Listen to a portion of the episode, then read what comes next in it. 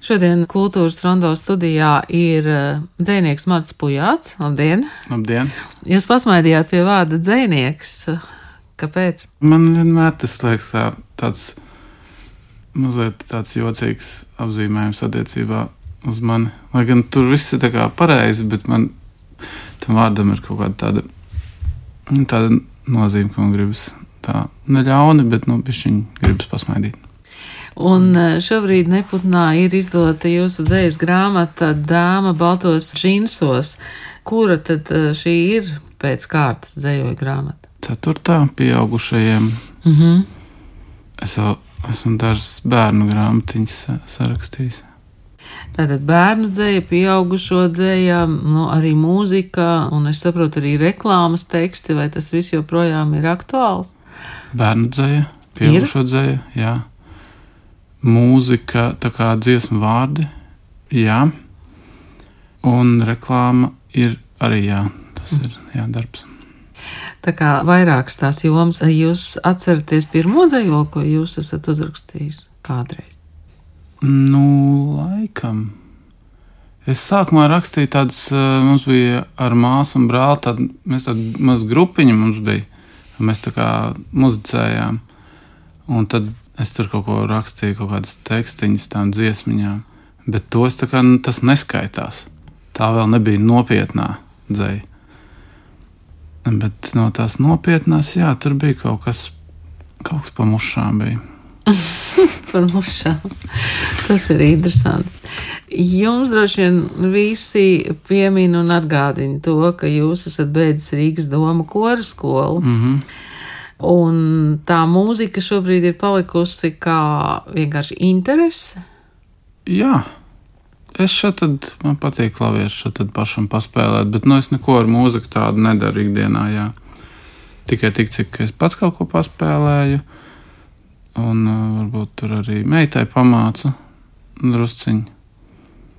Tāpēc, ka man liekas, ka es zinu, kā vajag mācīt mūziku, un ka to nevajag darīt tā, kā man mācīja. Bet savādāk. Bet savādāk. Nē, nu, labi, es īstenībā tā kā man mācīja, tā droši vien ir vispareizāk, tur tā kā viss tā secīgi un tā. Bet man meitai gribas visādas, nu, tādas interesantības iemācīt uzreiz. Vai tā bērnu dzēja ir eh, radusies kopā ar meitu vai suverēni? Bērnu dzēja ir, eh, bet ne tikai bērnu dzēja, arī pieaugušo dzēju mēdz izrietēt no manas paša kaut kādas pieredzes, tā skaitā no bērnības pieredzes. Bet bērnu dzīslas sakarā, jā, tur arī, tur arī meitas pieredze, vismaz tajā vienā grāmatiņā, viņas un viņas bērnība, ko es redzu, un tad manas paša bērnība, kas tā kaut kā savijās pārklājās. Tā kaut kā. Šī dzīslas grāmata ir nosaukuma Dāmas baltos džinsos, un tas tēls Dāmas baltos džinsos ik pa laikam parādās. Varbūt būs tā, ka pēc gadiem literatūras zinātnieki mēģinās atšifrēt, kas ir Dāmas baltos džinsos, nu tā kā mēs mēģinām par klasiķiem filozofēt. Kā tas Jā. tēls jums radās? Mm.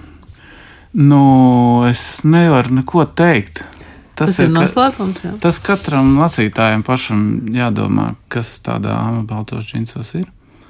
Izlasot to visu grāmatu, tur um, es vienkārši varu, ja kāds vēlas viņu lasīt un uzzināt kā, par to dāmu, tad es vienkārši iesaku lasīt no sākuma līdz beigām un nelasīt beigas pa priekšu.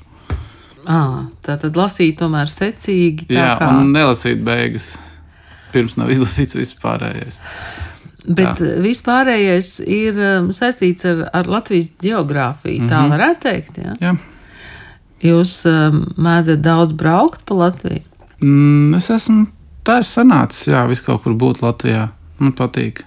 Tā, nu tā, mēs ar, mēs ar ģimeni šeit tad vienkārši kaut kur pabraukājam pa Latviju.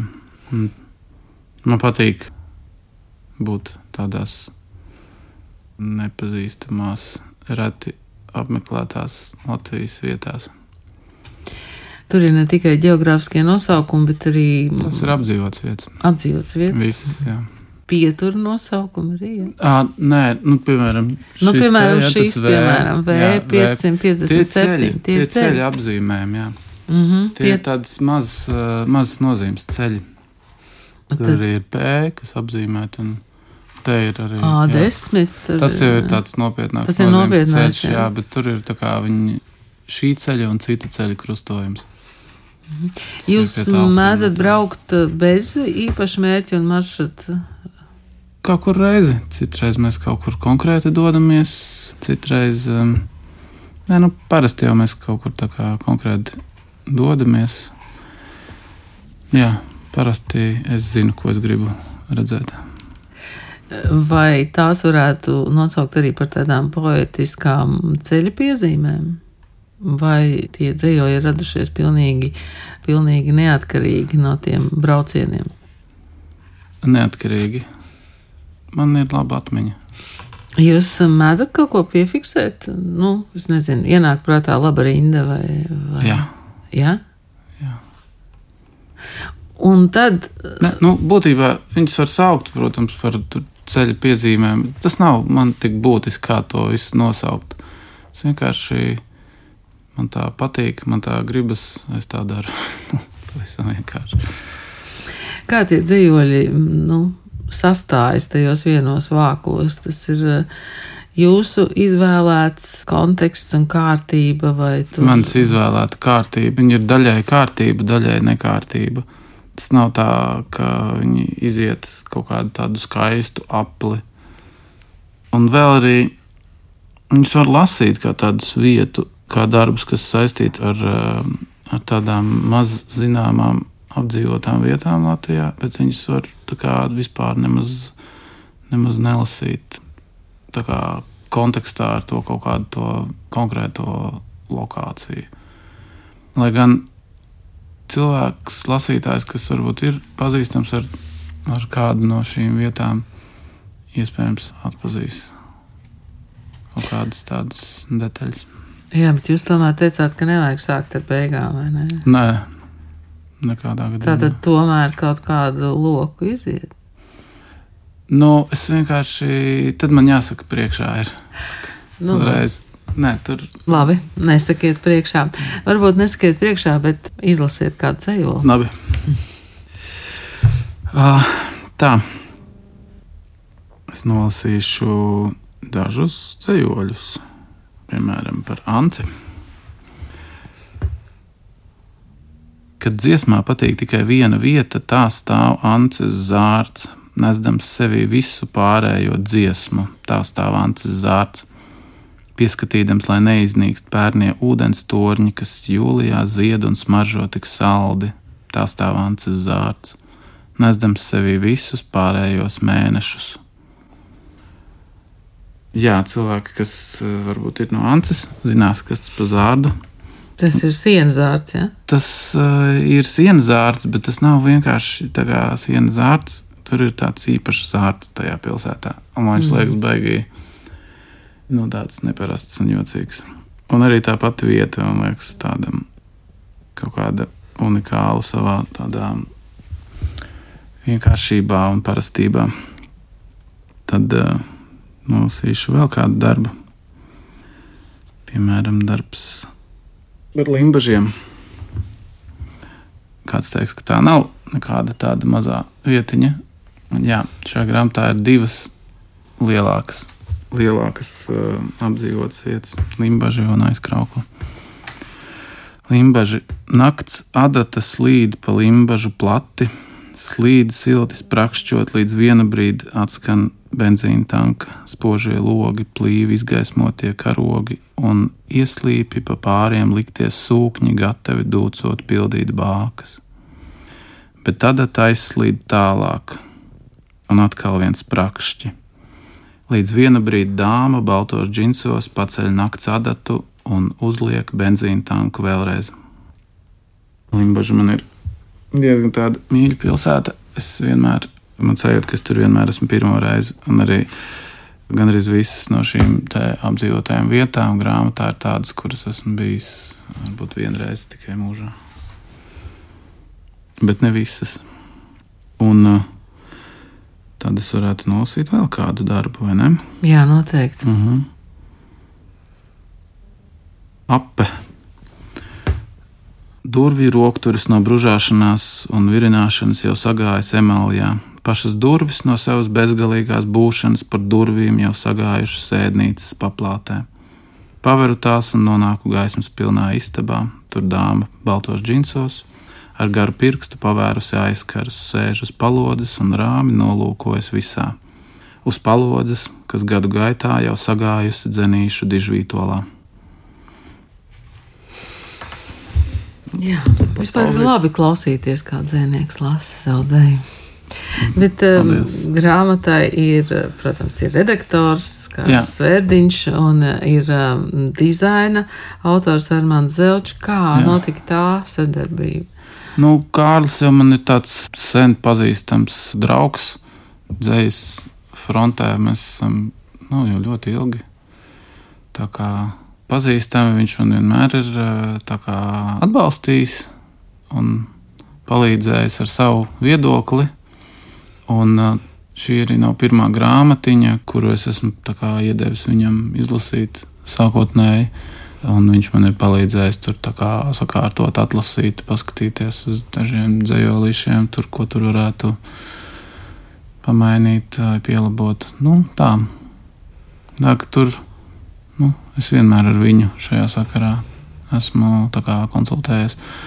Bet mākslinieki to man kā, ieteica no Neputna. Arī Kārlis un Raimons Čirķis. Un es arī pats zināju, ka es gribētu to sadarbību ar to foršo mākslinieku, kurš ir tādas foršas grāmatas pirms tam uztaisījis, kas man ir paticis. Un tad uh, šī sadarbība tika norganizēta, un tad šī sadarbība notika. Un, un, un tagad ir grāmata. Paldies, jā. jā, tagad ir grāmata. Un tagad, un tagad ir grāmata. Kāda ir tā dzēnieka sajūta pēc tam, kad grāmata ir iznākusi? Es nezinu, tāda. No, no vienas puses man liekas, ka viss ir baigi forši.